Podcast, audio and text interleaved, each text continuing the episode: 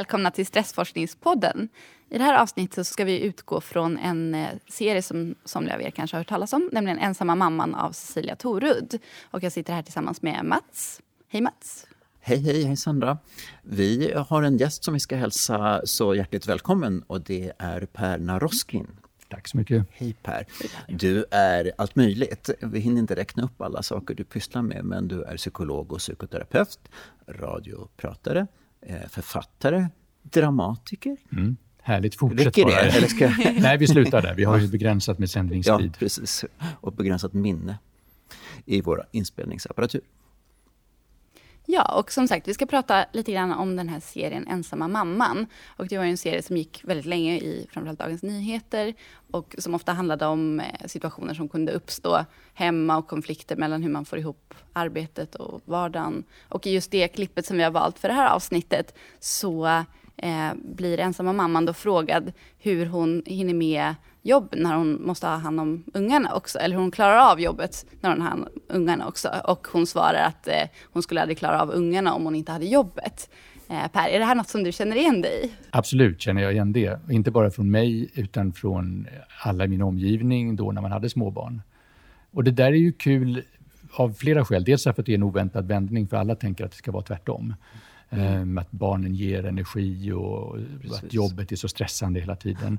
Men alla vi som har haft småbarn och som gillar våra jobb och våra arbetskamrater då förhoppningsvis. Vi vet ju att det är en enorm befrielse ibland att få gå till jobbet, prata med vuxna mm. människor. Så att jag absolut känner igen det. Och dessutom, bebisar ska jag erkänna, jag kan komma ut nu med det. Jag tyckte det var tråkigt. Jaså? Aha. Jag tycker, så for, alltså för varje dag som de blev äldre har det bara blivit roligare, oavbrutet. Och du tänkte på riktigt när du kom iväg till jobbet, så var det så här? Ja, lite grann ibland ja. så. Och så får man inte tänka. Det är ju liksom fult att tänka så. Men, men, men det är ju så. Jag kommer ihåg, det var en ständig diskussion både hemma hos oss och hos andra. När man kommer hem på eftermiddagen från jobbet så hade man ju alltid lite dåligt samvete. Um, och då var det en sån här kamp om vem har haft det jobbigast idag. Mm. Jag som har haft det stressigt på jobbet eller Precis.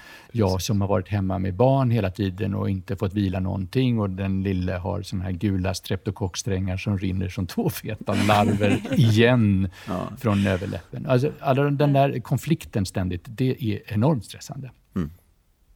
Jag tycker nu när man tänker tillbaka på de åren, eh, för dig och mig Per är det några år sedan, men du Sandra är mera i de, ja.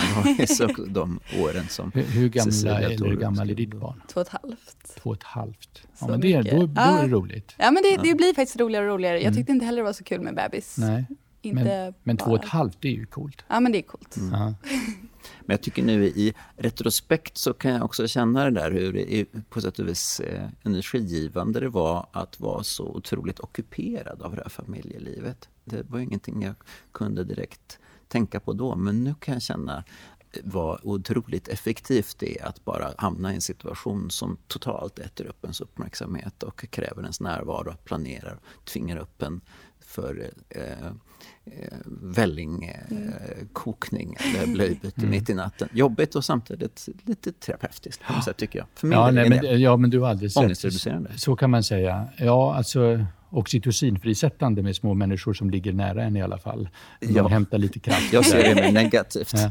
Nej, men Man alltså, slapp tänka så mycket på sig själv. Det tyckte jag var skönt. Ja, men jag menar både och. Alltså, det, det, det är väl en välgörande effekt. En motkraft mot att jobba ihjäl sig också, ja. antar jag. Men måste man hämta på dagis så gör man det. Mm.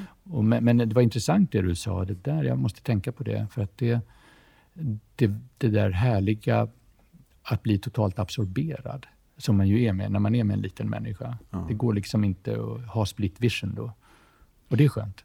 Nej, men det är sant. Och jag tänker att det är lite, vi ska ju prata med forskarna senare i avsnittet om det här, om det också finns könsaspekter i de här delarna. För mm. jag, jag kan delvis känna igen mig i det ni berättar, men jag kan också känna att eh, jag tycker, eller jag blir nog stressad av att jag å ena sidan måste bli helt uppslukad av de där grejerna då och då, men sen har jag ju fortfarande massa saker som jag måste ordna mm. utöver det. Och det är inte som att eh, det blir mindre bara för att man har en, ett barn också. Um.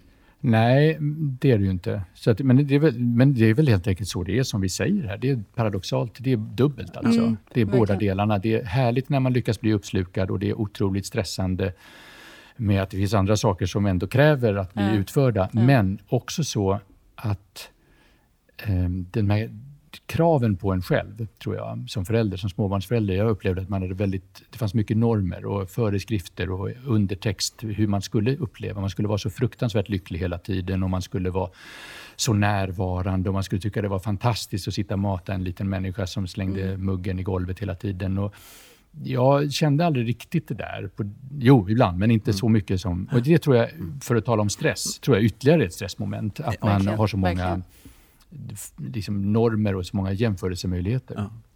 Ja, det, måste, det, det finns ett outtalat krav kring hur man ska vara och hur man ska känna som förälder. Mm. Medan det själva verket är ett kaos av olika känslor Mm. eh, och behov av att få vara eh, för sig själv och göra andra saker. Så, Ja, men så verkligen så. Och, och, och det gäller ju för sig allting. Det gäller ju kärlek också. Ja. Det är man samma krav där, att man ska vara liksom kär och kåt hela tiden. Ja. Det är ju få personer som är det.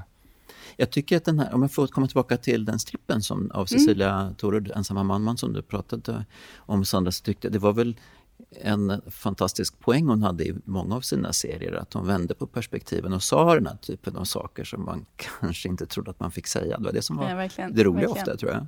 Brukade ni läsa? Absolut, den? alltid. Ja, jag läste det också. Och vilken, vad var du för skede i livet då, Per, när du läste det där? Ja, det var väl småbarns...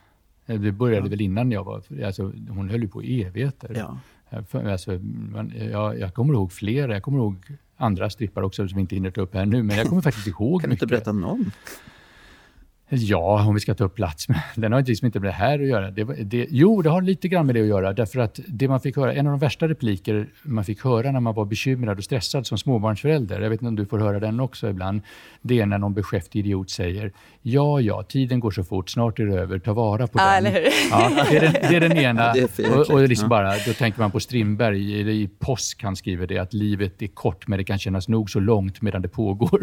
och det är väldigt sant. Men sen den här, den här är den värsta. Och det är det här, små barn, små bekymmer, stora barn, stora bekymmer. Eller hur? Det Ja. brukar alltid min pappa dra till Ja, med. det är ett jäkla tjat om det. Och sen nu när man har stora barn Mm. och ibland har de bekymmer så inser man att det är ju väldigt sant. För oron och engagemanget är ju lika starkt men man kan ju inte operera på deras territorium längre. Man har ingen kontroll men man har fortfarande det självpåtagna ansvaret för att de ska vara lyckliga och må bra. Och det där är ju otroligt betungande tycker jag. Så det, det där var ju sant på något vis. Men om man har ett barn med eh, ett litet barn med stor ohälsa, då vill man inte höra det där. Nej, Det, det är ett jobbigt perspektiv. man vill inte höra det man- överhuvudtaget. Nej. Man vill höra liksom, Kan vi inte ta bort jag bara?" fattar, du har det jobbigt, åh vad jobbigt det är. Jag fattar hur det var, jag måste, man kan inte älska dem jämt. Eller som någon av mina kompisar sa, det är en jäkla tur för Jon, som hennes son hette. Det är en jäkla tur för honom att han är så söt, för annars skulle han inte finnas. Men det är rätt bra att man glömmer bort en del. Alltså, man är ju rätt effektiv med att glömma bort en del jobbiga delar. Liksom, Jag kommer knappt ihåg någonting från så här, ja, men veckan efter man kom hem med bebisen första gången. Liksom. Nej, Det det finns ju- väl ett namn för det där? Finns det inte det? Ja. För den typen av glömska, till exempel att man glömmer förlossningssmärtor. Annars Ja, skulle det aldrig finnas exakt. några syskon. Nej, men annars skulle man inte skaffa fler. Nej. Jag och en eh, jämnårig kamrat vi gick förbi en bil där två föräldrar höll på att st- stoppa in sina barn. Man ska sätta in dem i bilstolar Mm. och spänna på. Och han och jag tittade så här. Vi, vi bara tyckte, "Åh, vad mysigt att få sätta sig med sina, två barn och åka i bilen. Så, här, så vi tittade bara glatt och uppskattat på de här föräldrarna och båda bara gav oss världens suraste blick.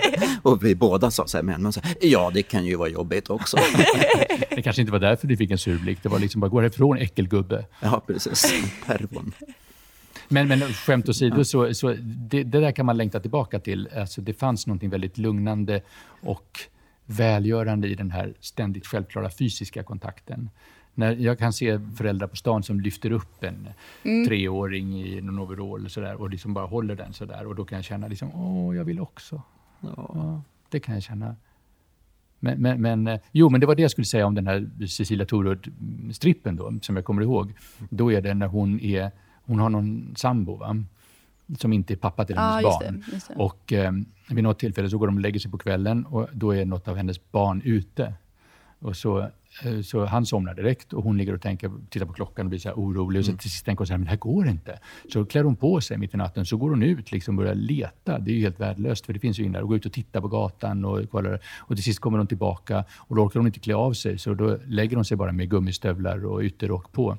Och så vaknar han till på morgonen och så tittar han på henne när hon ligger fullt påklädd. För bara några timmar sedan hade de gått och lagt sig tillsammans. Och så skakar han på huvudet och säger han så här. Och så tror man att man känner en människa. det är så otroligt bra. Jag tror att det är många sådana saker som kommer fram just under de där småbarnsåren. Den emotionella eh, pressen man har samtidigt med det stora engagemanget, kärleken, det tar verkligen fram det bästa och det sämsta igen. Och sömnbristen. Alltså den kroniska sömnbristen. You name it. Det är väl din grej? Ja, men det är min grej. Ja, ja men det är ju liksom hur mycket sämre blir man inte på att klara av allting under Eller den här hur? tiden. Eller hur? Så flera av de här sakerna vi har nämnt nu, apropå ensamma mamman, men också apropå sömnbrist och hur man reglerar sina emotioner och hur engagemang kan vara både en stressor och ge ett slags positiv energi, det vi kallar flow. Det kommer komma tillbaka i flera av Ja, de här vi har ju redan pratat om en del av det tidigare, men det Dessutom. kommer fler. Vilket flyt. Eller hur? Men, men, men det jag skulle säga, en, ro- jag tycker, det som jag minns det tydligt var att man som småbarnsförälder alltid hade dåligt samvete för att man inte hämtade eh, först. Att man alltid var den sista föräldern Precis. eller man kom dit i sista minuten precis när de höll på att låsa och ta med sig ungarna hem. Och de, eller att man kom sent bara. Och då, på den tiden jobbade jag tillsammans med Babben Larsson. Och vi reste mycket och, jag, och vi jobbade och så kom vi sent. Och jag kom stressad till dagis. Hennes dotter var mycket större än mina barn. Och då så sa hon liksom bara, men sluta stressa. Det där är ju inte någon fara. Det där är den bästa tiden på dagen för de ungarna. För nästan alla andra barn har gått hem men det är lika mycket personal kvar. Så äntligen kan de få leka i lugn och ro. Då ska du inte stressa dit. Ge dem det och få vara kvar själva. Och jag tycker det var så jäkla Ja, ja, men det är verkligen sant alltså. Åh, det, lätta. det var verkligen en stresssänkare. Det var skönt att Mm. höra. Ja, tack så mycket Per för att du var här och pratade om det här. Vi ska alldeles strax gå vidare och prata med våra inbjudna forskare. Och då tänkte jag lämna ordet över till Christian som kommer fortsätta vara programledare. Hej Christian! Hej Sandra! Hej! Eh, jo, idag har vi med oss eh, Konstanze Leine Weber, docent och forskare på Stressforskningsinstitutet. Hej! Hej, ja, Välkommen. tack, så, tack så mycket. Och Anna Nyberg, också forskare och docent på Stressforskningsinstitutet. Välkommen Anna! Tack så mycket. Så Ja. kul att ni vill vara med i det här också. Mm. Eh, vi tittar på den där serien där ensamma mamman säger att hon är glad att hon har sitt jobb för att annars skulle hon inte orka med sina ungar. Eh, och det är ju eh, tillspetsat för att det ska bli lite extra roligt förstås. Men, men ligger det någon sanning bakom det här? Är det så att ett jobb kan göra så man orkar med sitt hem bättre? Det finns ju vissa aspekter som kan göras och det måste absolut inte vara så utan det beror på många olika faktorer som man, ja, beroende på hur man har det hemma och hur man har det på jobbet. Men när man har en bra trivsam jobb med kanske kollegor som supportar en och så, så kan det absolut vara bra att just när man kanske, kanske jobbet i hemmet, gå till jobbet och få prata av sig lite, få en annan roll, få där uppskattning och bekräftelse som man kanske inte upplever då just i hemmet. Där är det ett begrepp som heter eh, psykosocial miljö. Eh, vad egentligen betyder det? Anna, har en bra förklaring? Psykosocial arbetsmiljö. Ja, Ja. på senare år så har man ju utvecklat det begreppet och brukar kalla det för organisatorisk och social arbetsmiljö. Och det tycker jag på ett sätt beskriver det bättre. Därför att det handlar ju dels om hur arbetet organiseras och hur de sociala relationerna på arbetet fungerar. Mm. Och det påverkar hur vi mår då, eller? Ja, det påverkar hur vi mår. Det finns eh, god evidens för det idag. Eh, både vad gäller psykiatriska sjukdomar och stressrelaterad fysisk ohälsa. Mm.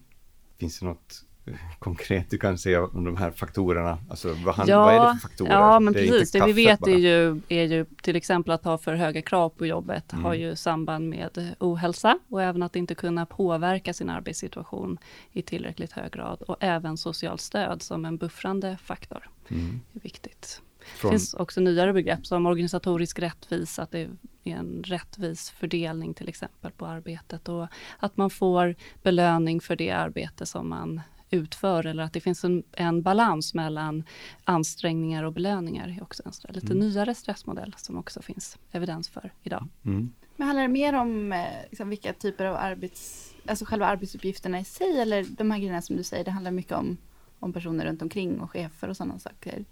Ja, det är den sociala delen ja, mer av arbetsmiljön, så absolut, den, den, har betydelse också. Mm. mm. Mm. Och är det samma faktorer i hemmet? Som, som... Man kan säga att det är en väldigt intressant fråga för att hemarbetet, obetalda hemarbetet är ju så mycket mindre eh, undersökt mm. än vad yrkesarbetet är. Så man vet ju otroligt mycket mindre om det egentligen. Ja men antagligen är det samma faktorer tänker jag. Alltså det är ju kraven som man har på hemmet och om man får uppskattning för det arbete man eh, utför. Mm. Och, alltså det... mycket betalt får du för ditt obetalda arbete i hemmet? ja.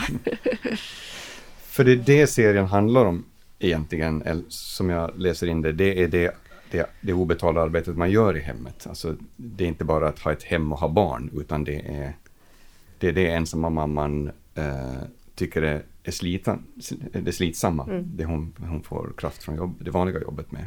Men också ja, alla relationer och sånt hemma. Alltså ja. relationer har man ju på jobbet också mm. såklart.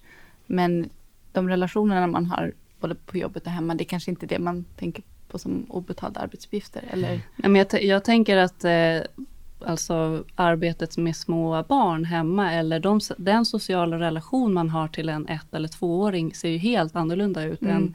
än, än de relationer som man kan ha på arbetet. På arbetet kan man visserligen ha mycket konflikter men, men, men grund, eh, grunden är ändå att det ska kunna vara en ömsesidig relation. Mm. Liksom. Mm. Så det är klart att där kan man få stöd och stimulans och mycket på jobbet som man inte kan få hemma med små barn. Därför tänker jag att mm. ensamma mamma, det ligger mycket i det hon säger, mm. därför att du kan ju få mycket som vuxen person på ditt arbete som man faktiskt inte kan förvänta sig att få av en ett eller tvååring. Mm. Speciellt om man är en ensamstående förälder förstås.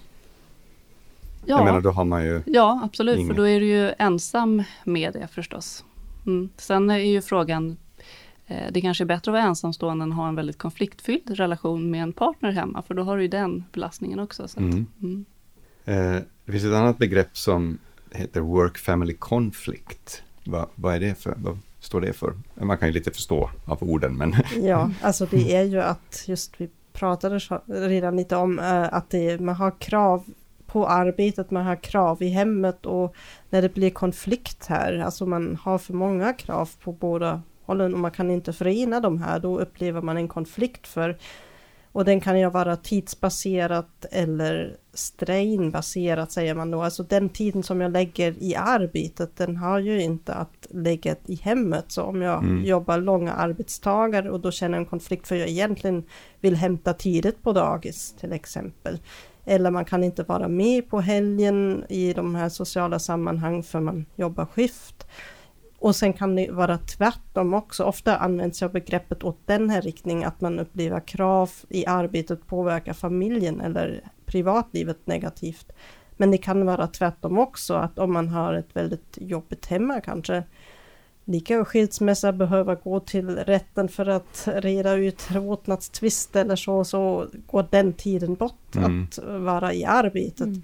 Eller så tar det så mycket emotionell kraft så att man inte har egentligen den kraften kvar att göra de saker man vill göra. Antingen ja, hemma då man skulle gärna vilja gå på bio men man orkar bara inte mm. ta sig iväg. Eller så har man inte den kraften kvar i arbetet som man känner man skulle gärna vilja ha. För, för det du beskriver nu, det är lite motsatsen av vad ensamma mamman upplevde i serien. Ja, absolut. Mm. Alltså, och det är ju det finns med forskning faktiskt, mm. att just det är en konflikt och den upplever jag många. Sen kan det vara positivt också och det ena behöver inte utesluta det andra. Man kan uppleva det samtidigt, att det är en konflikt och även mm. något positivt, mm. som det ofta kallas enhancement. Är det, är det brist på tid som, som uh, är problemet? Att vi inte hinner med? Det är en del av problemet skulle jag tro. Det är inte det mm. enda problemet men absolut det är en del av problemet. Vi lägger ju väldigt mycket tid på arbetet. Mm. Eh, alltså, samt pendling och vad som tillhör. Så, och sen har man kanske också förväntningar egentligen som man skulle gärna vilja göra mer med sin tid än Mm. vad den räcker till. Det har vi tangerat i andra program, att eh, förväntningar är roten till stress. Allt för ofta. Men jag tänker också det där du sa om eh, att man ska hinna med att hämta tidigt och att man har den typen av förväntningar. Det, sånt tycks ju gå lite i, Mm. alltså i, i vissa grupper så verkar det där bli mer extremt, i alla fall om man tittar på sina egna vänner och bekanta. Att det, det här med liksom dagishämtningsstress, bland vissa av mina bekanta så, så förväntas man liksom vara på dagis klockan tre på dagen och jag vet inte med vilket jobb man kan göra det liksom. Forskare? Ja, jo det är sant. Jag hör ju till läkarmammorna som kommer Mm. in där vid kvart Men den har vi också sett i någon kvalitativ studie som vi aldrig lyckats publicera men att det var just att man hade väldigt höga förväntningar och när man hade fått barn och sen ville man ändå kunna leva det här singellivet med Mm. gå ut på helgerna och ta hand om sig själv, ha sina hobbys kvar, Mm. samtidigt hämta väldigt tidigt, Mm. vara en väldigt närvarande förälder. Sen kan man ju laga maten själv kanske för det är mycket bättre och så vidare. Så man, alltså, det läggs så mycket förväntningar och på något sätt är det ju också ett samhällsproblem. Alltså Mm. man har ju de förväntningar själv men samtidigt kommer de ju någonstans ifrån. Så Mm. det Mm. tänker jag, det är lätt att man skyller på den enstaka individen men Mm. så är det ju inte heller riktigt. nej, även om det blir väl individens ansvar att Ja, inse att har jag ja. skaffat barn så måste jag Ja, släppa lite ja. grann på mina intressen och ge tid till barnen. Men, visst- det är också att man har väldigt höga förväntningar på vad barnen ska göra. Eller jag tänker på alla fritidsaktiviteter Mm. som, det är många som, bland mina barn som är 8 och 10, där barnen har liksom kanske en eller två aktiviteter varje eh, kväll. Liksom, Mm. Mm. Som man då ska skjutsa till. Det, det säger sig självt att tiden går inte riktigt ihop. när det uppstår en work family konflikt eller när man lever eh, med eh, i den här situationen, har forskningen lyckats hitta något bra svar på hur vi ska göra? Absolut den optimala lösningen. Ni har den i nästa avsnitt. Nej, naturligtvis inte. Nej. Men det finns väl vissa faktorer som man kan säga som underlättar att eh, kombinera de här kraven som man upplever i arbete och familj. Och det en är ju kanske tid som vi har Mm. varit inne på, kanske att man har flexibel tid, alltså man kan anpassa arbetstiden och kanske även tiden hemma, alltså Mm. så gott det går till de Ehm, sen är det ju kraven. Alltså tänker jag som det här när man är för utmattad, alltså man, att man lägger för mycket energi i det ena eller det andra. Chefen spelar ju en roll, alltså och naturligtvis i hemmet, alltså ja, där har man, och där finns det faktiskt forskning att antal barn och åldern på barnen spelar en roll här. Mm. Alltså det är jobbigare att ha små barn och Mm. väldigt många barn, till exempel. Det är inte allt, men Nej. några. Du sa flexibla arbetstider. Det är alltså, har ni eh, visat forskning att det underlättar? Ja, det kan man Minsk- väl säga. minska belastning. mm, det, det, man kan ju tänka sig att ehm, om det blir alldeles för flexibelt kanske då läggs ju igen väldigt mycket Mm. ansvar på individen och kanske man kan tänka sig, och det finns några idéer kanske att just kvinnor då tar den här flexibiliteten för att man ska hämta kanske väldigt tidigt och sen är man hemma och tar hand om allt och sen när ungen sover klockan tio på kvällen sätter man sig och jobbar och det är inte på längden heller hållbart. Men i det stora hela kan man väl säga att det är positivt har flexibla arbetstider. Så att man kan anpassa Mm. det till kraven i hemmet. Jag läste precis i veckan här någonstans om att um, var det något land som testar fyra dagars vecka? Mm, mm. Mhm. Just Eh. det, det har skrivits i media om det, ett Mm. par em, studier. Mm. Eller, eller par, inte studier utan eh, faktiska Reportage. försök. Organisationer som har infört det för att se. Mm. Och det var positivt, de första resultaten. Ja, de har sett ju att eh, produktiviteten, effektiviteten, Mm. lönsamheten åtminstone inte går ner och kanske till och med ökar. Mm. Mhm. Mm. Men det är ju korta tidsspann. Ja. Jag. jag tror att det har varit ett par månader eller något Just sånt där. Mm. Mm. Så man vet ju inte hur det ser ut på längre tid. Men Och det de måste vara jag- beroende av arbetsuppgifter också, eller? Mm. Ja, såklart. Ja. Mm. Sen tycker jag man själv upplevt det. Alltså kom ihåg när man jobbade kortare tider Mm. för man hade ett barn och tog då föräldraledighet så jobbar man ju mer effektivt den tiden Mm. man är på jobbet faktiskt. Man tar inte de här kaffepauser och lite Nej. springa hit och dit och så. Mm. Du sa där att, eh, att som kvinna kanske man tog, eh, kunde, den här flexibla arbetstiden kunde leda till att man satt och jobbade på, på nätterna när man har fått sina barn att sova. Finns det könsskillnader här? Ensamma mamman är ju en mamma och en kvinna. Eh, när ni tittar på, på de här faktorerna i er forskning, ser ni könsskillnader? Är det något att Alltså man lägger ju olika mycket tid på olika saker. Det har vi tittat på faktiskt. Att, alltså man tar lika mycket hand om barn. ehm, men sen den resterande tiden är pappor duktigare att faktiskt ta hand om sig själv Mm. och Mm. släppa lite. Mm. Medan mammor kanske håller på i hushållet och gör det ena och det andra. Ta hand om andra anhöriga. Och, Mm. ja. Jag har en, eh, vi har ju en studie om eh, chefer, kvinnliga och manliga chefer i, eh, i Sverige. Och eh, då ser vi att kvinnor rapporterar ju mer, eller kvinnliga cheferna rapporterar mer work family conflict, alltså en, eh, att man tycker att arbetet påverkar ja, hemmet eller den privata sfären eh, negativt, medan de manliga eh, cheferna i högre utsträckning än kvinnor rapporterade att liksom, privatlivet eh, hade en negativ inverkan på eh, på arbetslivet och, och till det kan man också då lägga att det var ju kvinn, de kvinnliga eh, cheferna gjorde ju betydligt mycket mer hemma Mm. ändå. Mm. Så att det, mm, det finns tydliga, tydliga mönster, Mm. könsmönster. Mm.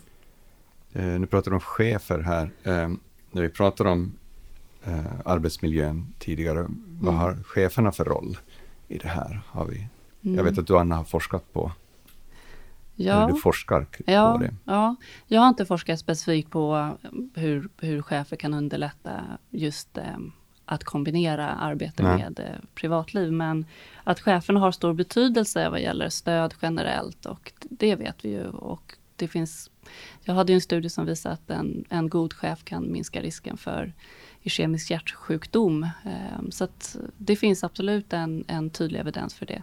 Eh, Men jag tänker att mycket, mycket av det som underlättar eller försvårar för människor att kombinera yrkesliv med privatliv ju handlar om hur, hur arbetet liksom är upplagt. Mm. Som, man, som du var inne på, eh, att vara läkare har ju en, en helt annan eh, möjlighet att kombinera därför att du har fasta arbetstider och, och du kan inte lämna patienter och så. Det är ju samma sak med sjuksköterskor eller lärare och så vidare. Men eh, som forskare så, eller andra mer fria yrken så kan du ju faktiskt gå hem tidigare och sen ehm, eh, jobba i kapp sen på kvällen. Och då är det klart att det är viktigt att en chef eller arbetsgivare är, är positiv till det och kan se liksom, att det är okej att kanske komma en halvtimme för sent till ett möte för att det var strul på dagis och så vidare. Men de stora eh, den stora betydelsen tror jag snarare handlar om hur, hur arbetet organiseras, vilken typ av jobb du har helt enkelt. Mm. Just det, för det finns ju, jag har hört om företag där, det, där man inte har någon begränsning över hur många semesterdagar man får ta, utan man får ta så många som man känner Behöver. att man behöver. Men de, de informella förvä- förväntningarna är ändå att man ska jobba Ja. i stort sett hela tiden. Mm. Ja, och jag tror inte man får ha så i Sverige, men det var något Mm. amerikanskt företag som hade Mm. det som, eh, som upplägg. Och det måste ju vara jättestressande ifall man på något sätt, ansvaret ligger på en själv att välja, men man eh, alla runt omkring en förväntar sig att man är där Mm, i stort sett mm. hela tiden. Mm. Nej, och det Mm. finns så mycket sådär kultur. Det finns också en studie som visade att pappor var dukt, alltså, duktigare, eller ett dumt begrepp egentligen här, men bättre på att ta ut föräldraledighet när de jobbade i en organisation där det verkligen promotades och man Mm. inte betonade den här vikten av att jobba långa arbetsdagar och mycket utan kanske chefen var en bra förebild och tog själv ut pappaledighet Mm. och så vidare. Så Mm. chefen spelar absolut en stor Mm. roll här. Hur- Så eh, hur är en god chef? Vilka egenskaper ska man ha? Generellt som en god chef? Ja. Ja, ehm, det finns ju så många olika teorier som har testats inom, inom ledarskapsforskning. I den studie som jag eh, själv genomförde så såg vi att det var ganska ehm, ska man säga, eh, uppgiftsorienterade aspekter av ledarskap egentligen. Att eh, kunna, alltså att man gav förutsättningar till medarbetarna att, att genomföra sina arbetsuppgifter på ett bra sätt. Det vill säga att man eh, gav den information som man behövde och att man eh, gav befogenhet i relation till ansvar. Att man förklarade mål och delmål så man förstod liksom vad det innebar för den egna, mm. de egna uppgifterna. Sen så har man ju sett, det finns en teori som kallas för eh, transformativt eller utvecklande ledarskap. Och där betonar man mer kanske än ett, liksom att ha ett visionärt ledarskap och mm. eh, stimulera och inspirera medarbetare. Och det har man också sett har betydelse för, för hälsa. Mindre sjukfrånvaro. Eh, ja, alltså de flesta ledarskapsstudier har genomförts mer där man liksom tittar på eh, ledarskap mer generellt. Så att det mm. handlar om kanske personliga egenskaper och beteenden hos ledaren som mm. ska vara liksom universella då. Så att så har den mest den större delen av ledarskapsforskningen sett ut. Men det betyder inte att, att eh, det inte finns eh, skillnader förstås mellan olika mm. verksamheter. Ja men sen det måste spelar en roll också för hur många man är ledare. Alltså tänker just i, är det inte mm. kvinnodominerade yrken då är man chef för väldigt, väldigt många och då är det naturligtvis antagligen svårare mm. att vara en bra chef. Ja, förutsättningarna chef. för chefskap ser väldigt olika ja. ut i olika verksamheter. Ja. Absolut, där de kvinnodominerade verksamheterna, där har man många fler medarbetare. Man ser också att den, den eh, vanligaste destruktiva ledarskapsformen som rapporteras är ju ja, att en frånvarande chef helt enkelt. Och det kan mm. ju bero på att, mm. att ledare eller chefer faktiskt inte orkar eller vågar eller förmår ta tag i konflikter och sådana saker. Men det kan ju också handla om just att man inte har faktiskt riktigt förutsättningarna för att man har för många mm. eh, som man ansvarar för. Hur många är lagom att ha ansvar för? jag vet inte, där, där tänker jag att det kanske handlar om precis alltså hur eh, hur välutbildade personer är kanske, hur länge de har arbetat i branschen och sådana saker. Mm. Så att, eh, man brukar säga att eh, chef eller ledarskap behövs ju framförallt i början av en verksamhet eller, eller i en teams utveckling. Så, så då är ledarskapet viktigare under den första fasen. Sen kan ju eh, ledare ofta ta ett litet steg tillbaka mm. när, när medarbetare blivit mer självständiga och så, mm. kan utföra saker med själva. Och som anställd om man inte är chef, um, har, har, vi, har vi, vet vi, vad gör man då? Har vi några tips? För vad då? För att uh, minska work-family conflict exempelvis. Uh, jag tänker... Ja, alltså det ena tänker jag är ju kanske bra att man har ja, hur man har det hemma och där kan man ju faktiskt, ja, alltså när man har barn så har man dem, det är svårt mm, att göra något åt. Men alltså att man har det så jämställt som möjligt och det kan ju innebära klara roller, att man vet eh, när, vabbar vem, um, handlar, gör olika saker. Alltså bara man slipper den här diskussionen. Men mm. jag jobbade, jag vabbade igår och nu är det faktiskt nej, jag har så mycket, jag, jag också. Alltså de här diskussionerna som blir ju en konflikt mm. naturligtvis. Så, um, vi har faktiskt gjort ett Excel-ark över det där Oj, med vabbdagar. vi har haft väldigt få, men ja. de finns i ett Excel-ark. Ja. och, det, och det minskar stressen hos er, gissar jag? Ja, men jag tror det. Mm. Det, känns, eh, det känns som det i alla fall. Mm.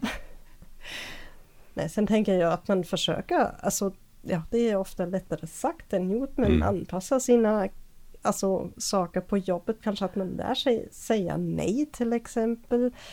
Och jag inte förväntar att man hinner med allt utan och kanske acceptera också, ja, okej okay, antingen jobbar jag väldigt mycket och långa dagar men då hämtar jag klockan fem eller sex mm. på dagis och då är det okej. Okay. Mm. Eller så säger jag nej, okej okay, en viss tid, nu jobbar jag kortare och då får jag väl acceptera att jag hinner med mindre på jobbet mm. och kan hämta tidigare men man kan inte förvänta sig att jag kan jobba väldigt långa dagar och hämta tre och alltså sådär. Och det är inte heller så lätt faktiskt alltid. Nej, att få till. Även om man förstår det kognitivt så kan man känna sig annorlunda. Sen tänker jag att det är ju eh, vissa på arbetsmarknaden som är mer utsatta än andra kanske. Mm. Och det är ju de som jobbar eh, i de, eh, ja, de verksamheter som har sämre arbetsmiljö helt enkelt. För då blir ju de, de mm. arbetade timmarna som man gör blir ju mer påfrestande förstås. Absolut. Så att den totala arbetsbördan blir tyngre. Och det är ju tyvärr mycket av de kvinnodominerade verksamheterna eh, där arbetsmiljön har försämrats mycket. Mm. Så att, eh, mm. Och det finns det eh, forskning på, gissar jag, vilka faktorer på en arbetsplats som gör att vi upplever stress?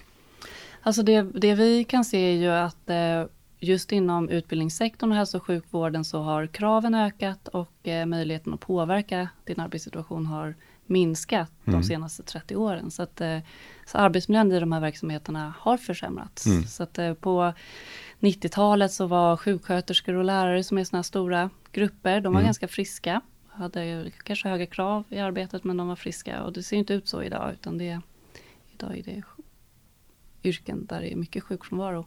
Mm. Och jag tänker, hade de inte kanske också mer inflytande på sätt och vis för alltså det här med att man ska rapportera och det kontrolleras så otroligt mycket Mm. idag som Mm. var inte för Då litade Nej. man att en lärare gjorde sitt Mm, jobb mm. och nu ska jag den rapportera vad jag gör här och där och där en plan och här en plan och Ja, som också tar jag bort lite av det här, mm. både uppskattningen Och, kanske det man tycker är roligt med jobbet Mm. också, Ja. alla de positiva effekterna som man Mm. får ifrån sitt jobb. Ja. Mm. Jo, det Mm. finns ju ingen, det finns ingen annan sektor som har så höga krav som utbildningssektorn, alltså bland lärarna. Mm. Och det kanske inte heller lärarna uppfattar att det liksom kompenseras ordentligt heller när man tittar på just det här med att få ha en balans mellan ansträngningar och belöningar. Mm.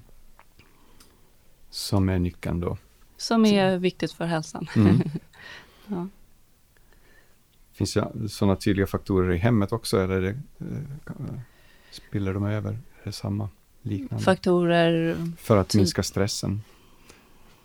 Ja, vi har ju varit inne på det lite grann, Mm. att ha tydliga roller förstås. Men sen Mm. är det ju förstås jämställdhet generellt. Man kan, eh, det som vi vet är ju också att även om, om kanske män och kvinnor gör lite mer, jag tror kvinnor gör fortfarande mer än männen, men på det så tar ju ofta kvinnan hela projektledaransvaret. Så att, eh, och det är ju en, en del i sig, inte bara de Mm. arbetade timmarna, utan man ser till att eh, vem som ska hämta och vem som ska Mm. handla, att allting finns.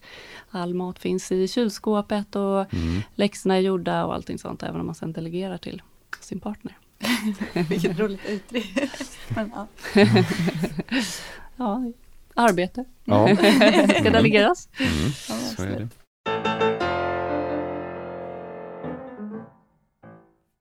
Vi pratade tidigare om att eh, man ibland försöker jobba kapp på kvällarna. Och, och det här med eh, e-post från eh, ar- medarbetare och chefer och sånt, alltså jobb, jobbmail. Det måste ju vara en, en stressfaktor. Det hör ju ihop med det här med flexibla arbetstider, precis. Att Mm. det kan ju, menar, Precis. om man klarar av att hantera det bra så, så är det klart att du kan göra en del av ditt jobb då på en arbetstid som, som fungerar bäst i ditt liv just då. Mm. Så att det finns ju många positiva delar i det och frågan är om de överväger då ehm, Men det, alltså, det ställer ju ganska höga krav också på att sätta gränser själv. Alltså Mm. tänker jag just Mm. för många har ju idag kanske ett jobb där man inte blir klar direkt. Alltså det är, vi kan ju jobba Nej. dygnet Mm. runt och man Mm. blir aldrig klar och så tror jag är det för väldigt många. Och då gäller det ju att man kanske när man då svarar mejl sent för att hinna ikapp men inte gör det oändligt hela natten utan man säger man sitter en timme och då tänker jag också det spelar jag igen företagskulturen väldigt stor roll här att ehm, ja för det första är det ju, är det okej eller inte? Det finns Mm, ju tydligen mm. företag som helt har slutat med det, vilket också kan bli en stressmoment då Mm. tänker jag, för om jag egentligen vill hellre svara på de här mejlen när allt annat är gjort i hemmet. Samtidigt att, att, Alltså, få ett, men- att få ett mail tio på kvällen, eh, alltså om man nu är så dum som man kollar sin Ja, arbetspost. precis. Måste du, måste du läsa det då? Men om det plingar till Ja. i mobilen. Nej, så, nej, ja. absolut. Alltså, Då får det är också en plinget. skillnad när du får dem och när du svarar på ja. dem, tänker jag. Alltså, det, det är absolut Mm. en skillnad. Och sen är det ju samma på semester, alltså, och då är det kanske rätt bra om man får stöd från organisationen eller Mm. chefen då kanske som säger det är helt okej att inte svara Mm. på mail när du är på semester. Du förväntas inte svara på det här. Nej. Och det är okej. Jaha, ja, and Mm. I'm on holiday Mm. and will be back Mm. Mm. in some time. Så, mm. Men det är intressant tänker jag med det här med eh, var kommer kraven ifrån egentligen? Är det från arbetet eller är det de egna kraven på Mm. eller önskemålen och förväntningarna om din karriär eller Mm. menar, hur mycket du ska avancera och så vidare Mm. just under småbarnsåren. Så att, ehm, så att det ställer, som, som jag tycker du sa Conny, väldigt höga krav på individen att kunna sätta gränser liksom för sitt eget engagemang eller sin egen ambition liksom under, Mm. under vissa perioder i livet kanske. Men då tänker jag också det spelar in vad som blir belönat och alltså, om man vill då göra karriär och det blir belönat att jag svarar mail sent på Mm. kvällen och så vidare för Mm. jag får kanske en bättre position lite eller mer ansvar och så vidare så alltså det spelar ju Mm. också in där i alla fall. Det, det Ja. hänger Mm. väldigt ihop. Mm. Det måste också vara en skillnad beroende på också vilken typ av jobb man har. För Absolut. ett forskarjobb eller sådär, eller liksom mer den typen av ämnen, då är det ju man själv som på något sätt är drivande för sina projekt. Mm. Och man, om man själv inte gör någonting så, så kanske det står still. Och då Mm. blir man mer benägen att driva det även utanför arbetstid eller svara på Mm. mejl eller sådär. Mm. Medans, ja men till exempel ett jobb inom sjukvården när man går hem. Mm. Jag vet att det är någon annan som tar hand om mina patienter när jag går hem. Så att Mm. jag, skulle det komma ett mejl som handlade om dem så, så är det helt Mm. eller då behöver inte jag Nej. faktiskt bry mig om det Mm. just nu. Precis. Ja. Så det är det positiva med den typen Ja, men av exakt, liksom, exakt. yrken. Där du, mm. Å andra sidan så är det svårare kanske att eh, ja, när det är utvecklingssamtal eller de här sakerna du ska bo, gå på BVC eller det är, ju- den Exakt, typen av flexibilitet är ju svårare att få till. Mm. Eh, som forskare, och ni är båda seniora forskare och docenter, så har ni en stor frihet. Och det är så att ni kanske har ansvar för juniora forskare och, som ni handleder. Eh, lever ni som ni lär? Är ni goda chefer och handledare för era medarbetare? Det får du väl fråga dem. ja, men för- förväntar ni att de ska läsa med när ni sitter och kommer på en genial idé klockan tio på kvällen och mejlar dem? Jag måste säga att jag verkligen respekterar folk som har gränser vad gäller när de svarar på mejl. Det gör Mm. jag verkligen. Och jag kan inte säga att jag har de gränserna själv. jag är jättedålig på det. Jag svarar på mejl när, när som helst och Mm. kan vakna till och med på natten ibland och kolla mejl. ska man absolut inte göra. Men jag respekterar verkligen folk som Ja. inte gör det. Så att Mm. jag tycker det är, det är bra Mm. faktiskt. Ja. Ja, nej, jag tror samma, jag orkar inte ens mejla klockan Nej. tio. Mm. Nej men alltså det, det, samtidigt är det ju ibland att det kommer upp kanske en brådskande situation. Mm. Alltså tänker mm, man har submittat en artikel och sen kommer det något, nu måste det här in och alltså Mm. någonting och då kan det kanske hända men Mm. alltså jag tycker också det är väldigt sällan, alltså jag kommer faktiskt inte ihåg Mm. att det här Nej. skulle ha hänt mig men jag kan Mm. teoretiskt tänka mig att en sån situation skulle Mm. uppkomma och ja, då, då vill man ju faktiskt också att någon kontaktar en. Alltså, Mm. nu, Mm. om, Mm. men det, det är sällan, Sällan, tänker mm. jag. Alltså, det, Mm. det är jättejobbigt faktiskt att bli uppringd klockan nio på kvällen. Med någon, alltså det har hänt mig. Mm. Det är inte roligt. Mm. Mm. Nej med telefon så, eller jag vet inte, när jag var liten då fanns det ju så här, krav, eller det, på något sätt, det var underförstått att efter klockan åtta så kan man inte ringa på telefon till Mm. folk. Mm. Men med mig så finns det inte någon sån. Nej, Mm. precis. Mm. Ringer folk? Vem det gör man inte då? ens. Nej, det gör man inte. Då blir man chockerad. Vad fint. Ehm, tack för att ni har varit med oss idag här. Tack Conny, tack Det var så Anna, roligt. Sandra. Ja men tack själv Christian. Och tack till alla ni som har lyssnat på oss. Och så hörs vi nästa gång.